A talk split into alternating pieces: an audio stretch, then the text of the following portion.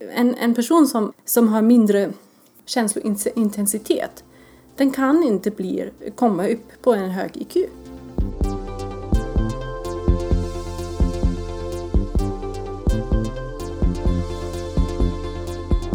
Du lyssnar på HSP-podden med Leverby och Klar.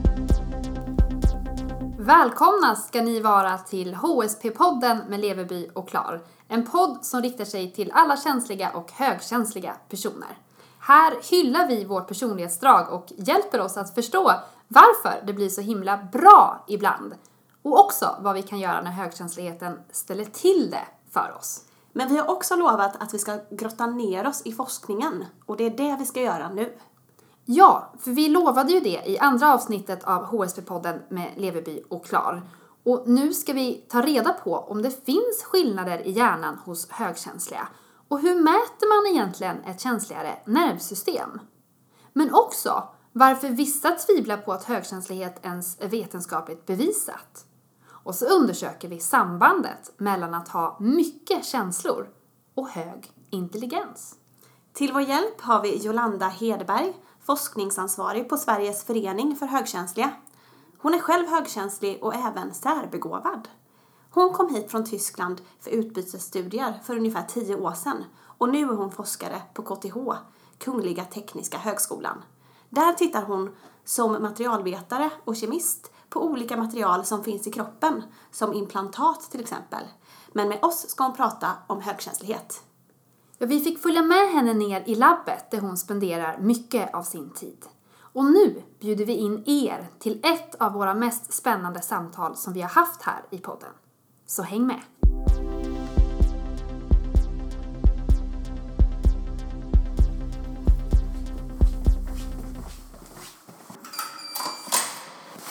Vad tror du att du har för eh, fördelar i och med att du själv är forskare?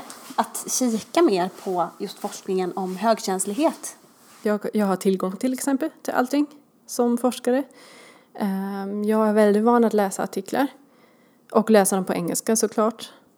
Väldigt van att uh, googla begrepp som jag inte fattar och inte stör mig på dem.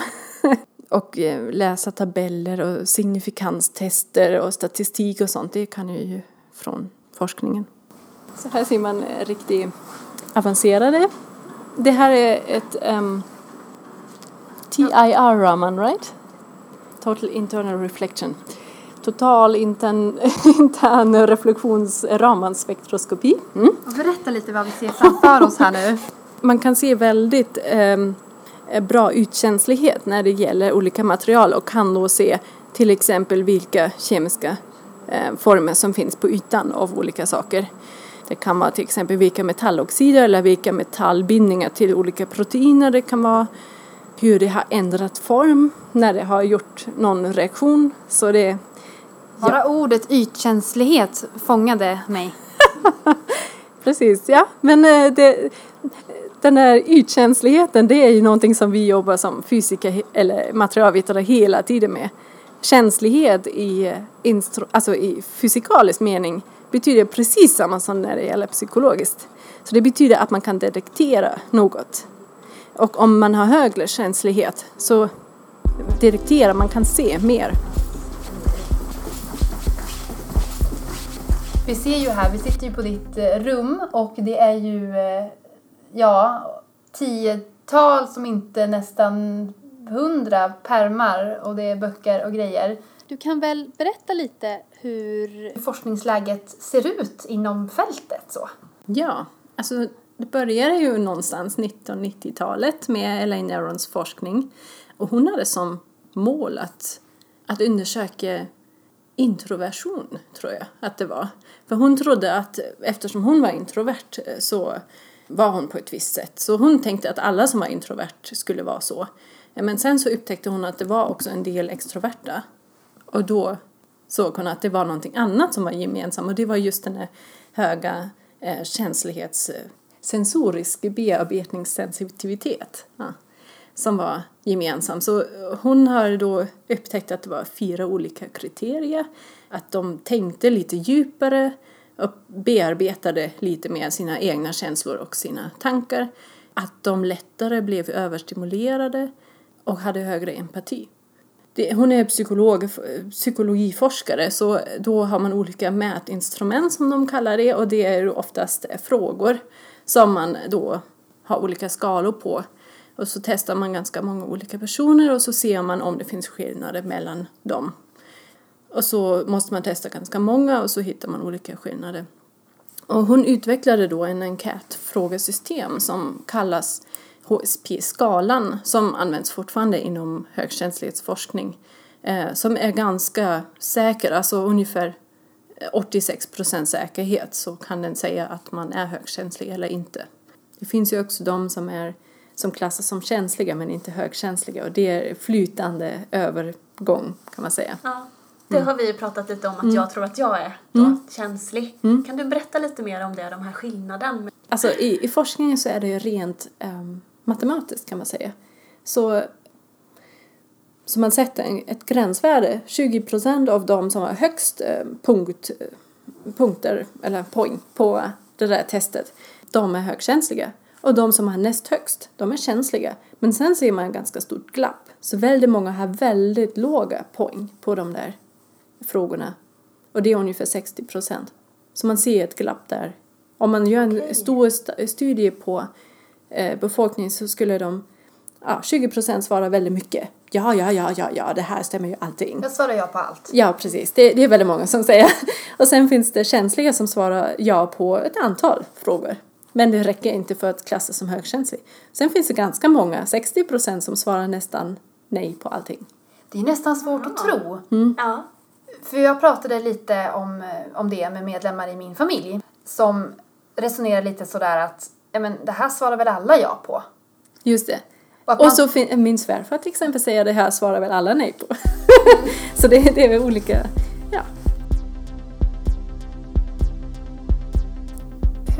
Mäter man till exempel att man har ett känsligare nervsystem? Alltså i forskningen mäter man det bara genom frågor.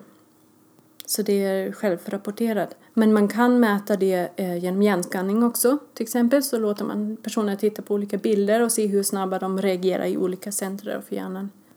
Finns det ett problem där med att det är just självskattningsfrågor? För det, vi har ju någon slags bild av att forskning det bedrivs liksom i, i kroppen eller i hjärnan. Mm. Och är det därför som vissa är skeptiska? Det tror jag.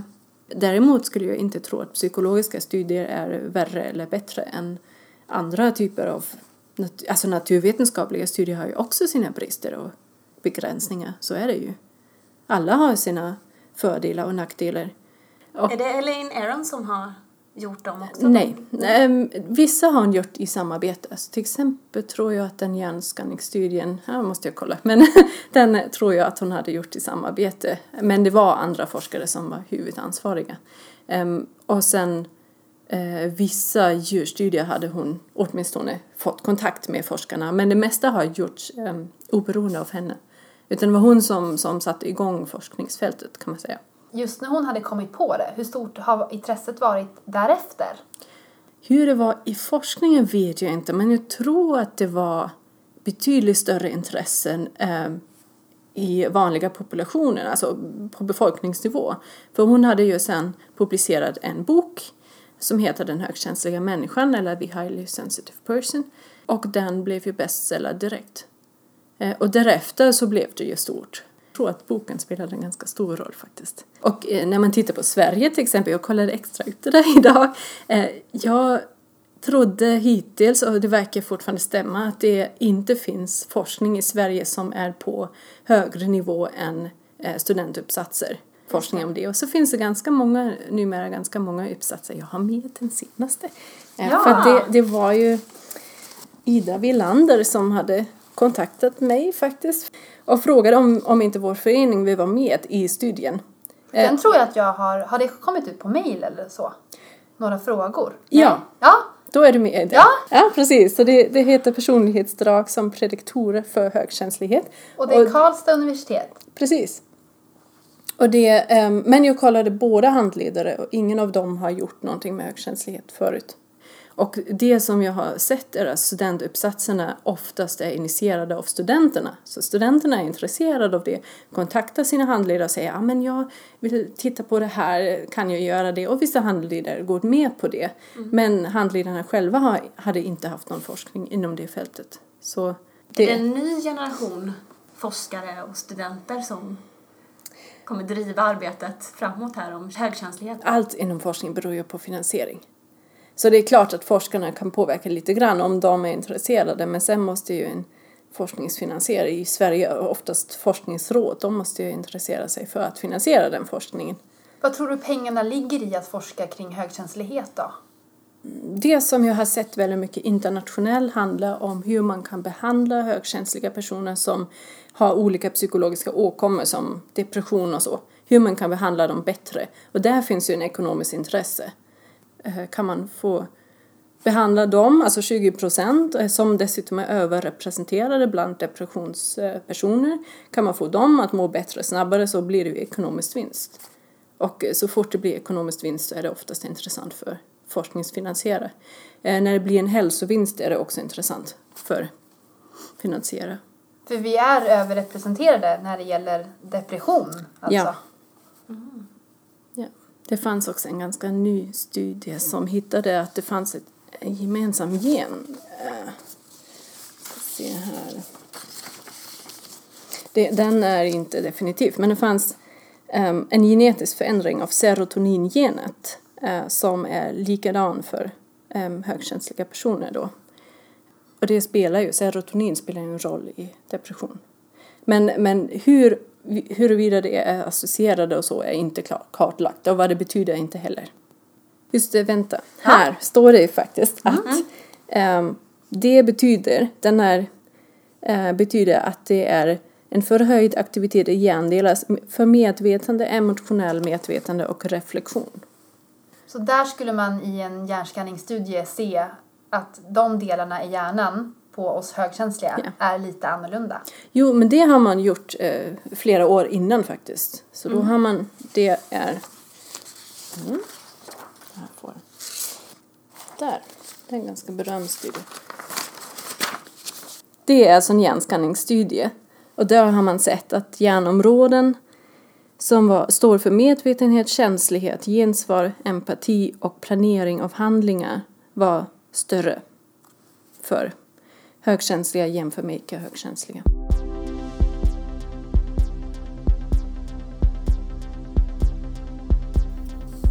Men så råder det någon slags vetenskaplig konsensus om att högkänslighet är ett vetenskapligt begrepp eller att det är eh, bevisat? Inom forskning för högkänslighet så helt klart. Det som de är de stora forskningsfrågor just nu är om det finns eh, positiva eller negativa mm, eh, verkan eller effekter av högkänslighet och hur det påverkar olika saker. Det finns pågående forskning om arbetsmiljö till exempel. Då är en, en eh, fråga är alla högkänsliga? Betyder det att de till exempel lättare bränns ut? Det finns studier på det.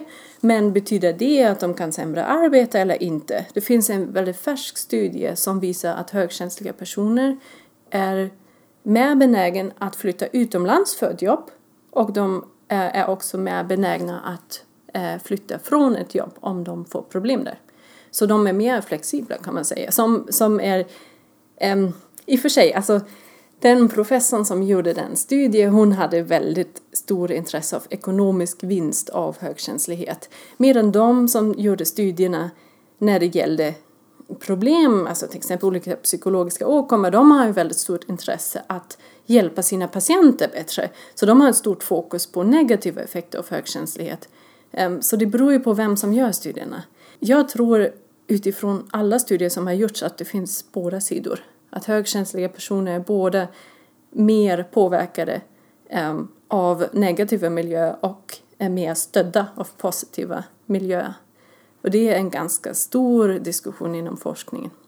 Men du var inne på att i, inom eh, högkänslighetsvärlden, där är forskarna överens. Är det accepterat inom forskningsvärlden i stort? Eh, ja, men det som man nu försöker inom forskningen är ju att förklara det med olika tidigare modeller. Det finns ganska många modeller inom psykologiforskningen om olika temperament, alltså personlighetsdrag, och så har man tidigare haft olika mätmetoder. Det är det som Ida Wilander gjorde också.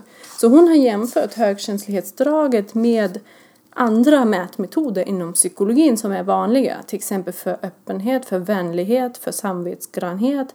Eh, och då har hon jämfört, och, och då har hon sett det var 178 medlemmar som har svarat på den här studien. Här ser man det. Extraversion är alltså då mindre för högkänsliga, som är logiskt. Det säger också forskningen. Vänlighet är mer, samvetsgrannhet är mer, emotionell stabilitet är mindre och öppenhet är mindre. Hur ska det här tolkas då? Eh, precis, för det är frågan då. Eh, öppenhet betyder nämligen i deras tidigare mätsystem att det är både ja, öppenhet är ett personlighetsdrag som kännetecknas av nyfikenhet, ett rent, äh, rikt inre känsloliv och öppenhet för nya upplevelser. Och där är det ju så att nyfikenhet, det stämmer ju för högkänsliga. Rikt inre känsloliv stämmer ju väldigt mycket för högkänsliga. Men öppenhet för nya upplevelser, det stämmer ju inte lika mycket för att de är mindre extroverta. Eh, och det är just det som så två, en eller två av dem stämmer och en stämmer inte. Och då blir det eh, ibland mer, ibland mindre beroende på vem man mäter. Och det är också det som hon skrev, att det är vissa aspekter som, av öppenhet som stämmer, vissa inte. Eh, men det är de här, det var flera, var det fem olika temperamentsdrag här som ja. det jämfördes med då? Precis. Och hon skriver väldigt mycket om neuroticism också neurotisk personlighetsdrag kännetecknas av högre grad av känslor som oro, ångest, skuld och en förminskad förmåga att hantera impulser. Eh, och då har han sett ett eh, starkt samband med eh, högkänslighet.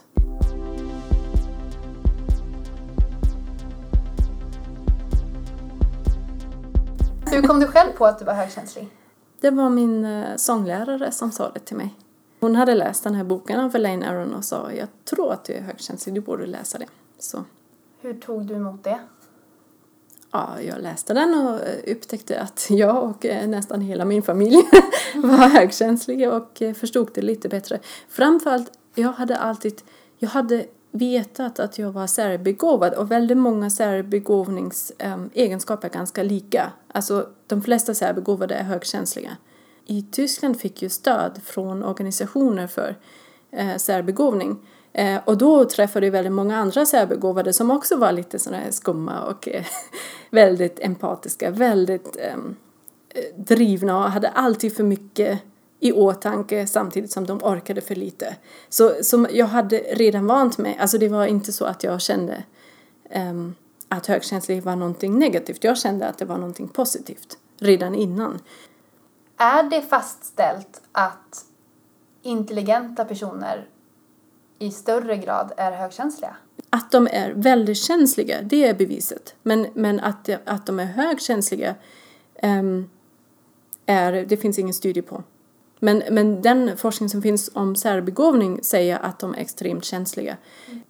Vad räknar vi som särbegåvning då? Om vi tänker... Över 140 IQ. Ett bra exempel är ju Eh, Boltzmann i Wien. Han var ju ett klassiskt exempel på högkänslighet.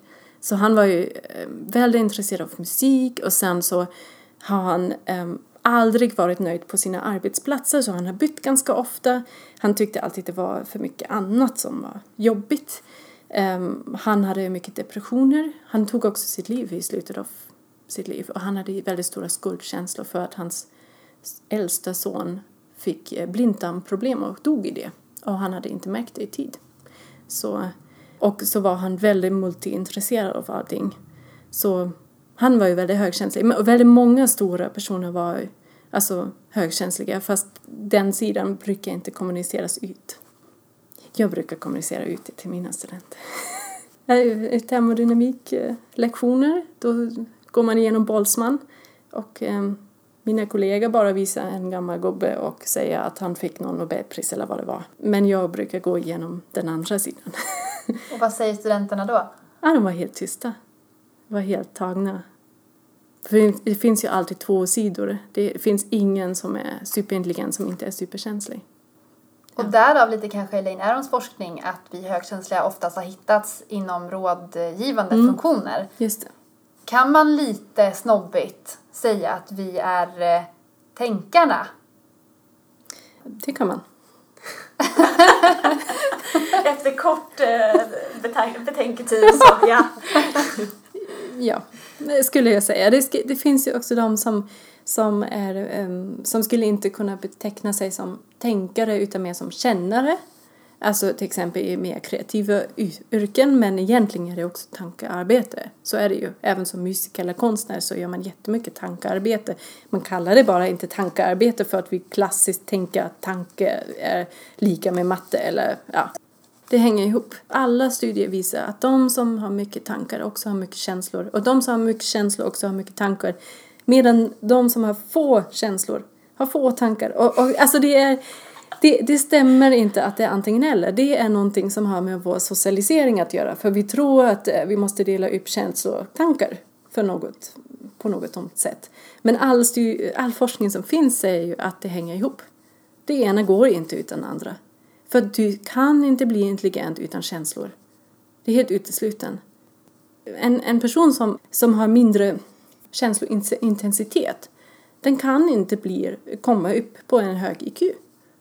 För att det saknas drivkraft, saknas motivation eh, och det saknas i hjärnan måste olika tankar eh, associeras med känslor. Annars kommer vi inte ihåg det. Varför tror du då att känsloaspekten har blivit så totalt bortkopplad i samhället? Jag tror att det är ett problem med att man, vad man ser kvinnlig och man- manlig. Att det, Det- hör ihop ja, med könsroller? Ja. Ja, det är min tolkning i alla fall. För att det är helt ologiskt annars. Man har olika fördomar med olika discipliner. Psykologi är ett typiskt kvinnligt eh, forskningsområde, så då tror man inte på det.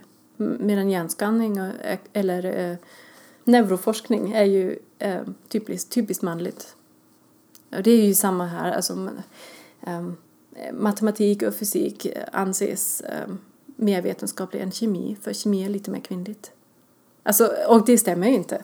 Det finns ju ingen logisk grund till det.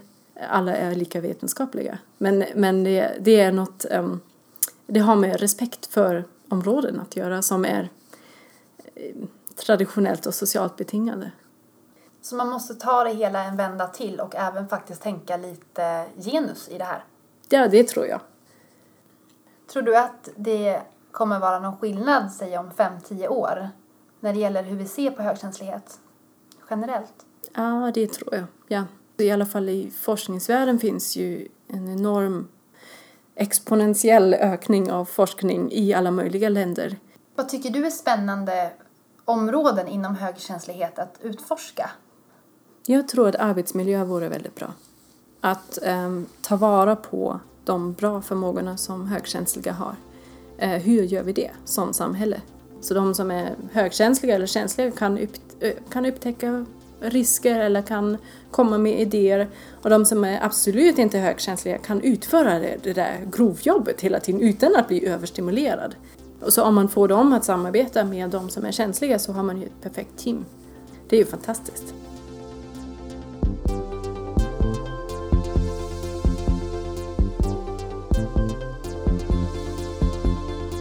Du lyssnar på HSP-podden med Leveby och Klar. Nu har vi lämnat eh, KTH och sitter här och funderar lite på vad det är vi precis har fått veta. Har du några spontana reaktioner, Ida? Jag tyckte att hela samtalet var väldigt spännande. Men eh, det som fångade mig var nog det här som hon sa om sambandet mellan att ha mycket känslor och mycket tankar. Att det hör ihop. Ja. För det har jag nog alltid tänkt att eh, att de som har... Jag har aldrig sett mig själv direkt som smart. Och nu säger hon att att vara kreativ kräver också mycket tankar och ha känslor har mycket, är att ha mycket tankar och vice versa. Det kändes liksom skönt att höra på något sätt. Mm. Verkligen. Väldigt intressant. Men också faktiskt så tycker jag att hon gav oss eh, en pusselbit när hon började prata genus. Ja. i det här med forskningen. Ja. ja, för att det finns ju vissa som man berättar om högkänslighet för som blir lite så här, men vad är det där för flum? Och här har vi fått lite verktyg som vi kan använda oss av och bemöta den här kritiken mot högkänslighet. Eh, Ja, för då skulle jag nästan vilja säga så till, till den personen att okej, eh, så den här, de här vetenskapliga studierna, de räcker inte till för dig. Du tror alltså inte på vetenskapen. Du tycker alltså, har jag uppfattat dig rätt om du verkar tycka att psykologi är ett mindre vetenskapligt ämne än naturvetenskap. Och om personen då, nu låter jag kanske lite aggressiv, men om personen då skulle börja liksom argumentera eller debattera om det här, då kan man ju faktiskt gå in på att det här är faktiskt en fråga om genus. ja, Och det hade jag själv inte ens tänkt på. nej, inte jag heller. Men vi, vi gör så här, vi skriver en artikel som man kan ge till anhöriga som är skeptiska, eller vänner som är skeptiska. Ehm, eller i alla fall en lista på vad man kan säga när någon är kritisk och skeptisk kring högkänslighet. Och den hittar ni på vår hemsida. leverbyochklar.wordpress.com Så gör vi. Vad tänkte du mer på efter mötet, Matilda? Jag tyckte att det var väldigt intressant det här hon sa med glappet som finns mellan högkänsliga och känsliga och resten. Att det finns, att det finns ett glapp där som gör att jag förstår mer varför jag inte riktigt visste från början om jag var högkänslig eller inte. Men nu blir det ännu, står det ännu mer klart att det är just känslig. För att jag har inte långt till, högkänsliga, eh, till högkänsligheten, eller inte jättelångt i alla fall.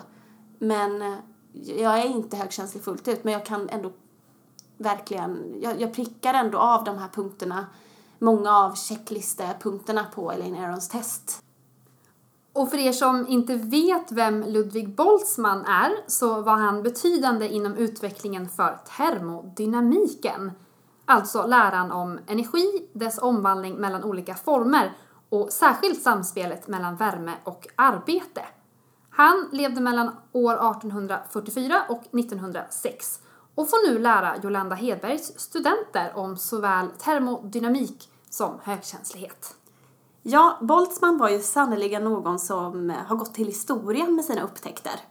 Men man behöver ju inte heller göra stordåd för att förändra en liten del av världen. Och just det här pratar insändarskribenten Bertil Monegrim om.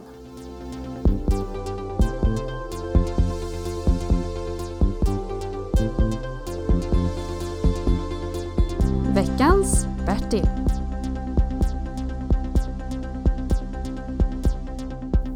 Ofta hör vi uttrycket om att förändra världen. Men hur ska det gå till? Vi får börja med det lilla som ligger nära oss och sedan gå vidare till ett större perspektiv. Vi ser allt som händer idag med krig och terrorism utan att kunna göra något. Men vi får aldrig ge upp utan göra goda gärningar till våra medmänniskor och hoppas att det ska sprida sig till ett större sammanhang. Vi kan inte ta ansvar för en hel värld, men vi kan hjälpa varandra och göra livet varmt och soligt i den grå vardagen. Det var allt för det här avsnittet. Vi ses igen om en vecka. Glöm inte att gilla oss på Facebook. Där heter vi HSP-podden med Leverby och Klar. På vår hemsida leverbyochklar.wordpress.com hittar ni också en massa läsvärt om högkänslighet. Tack så mycket och hej då! Hej då!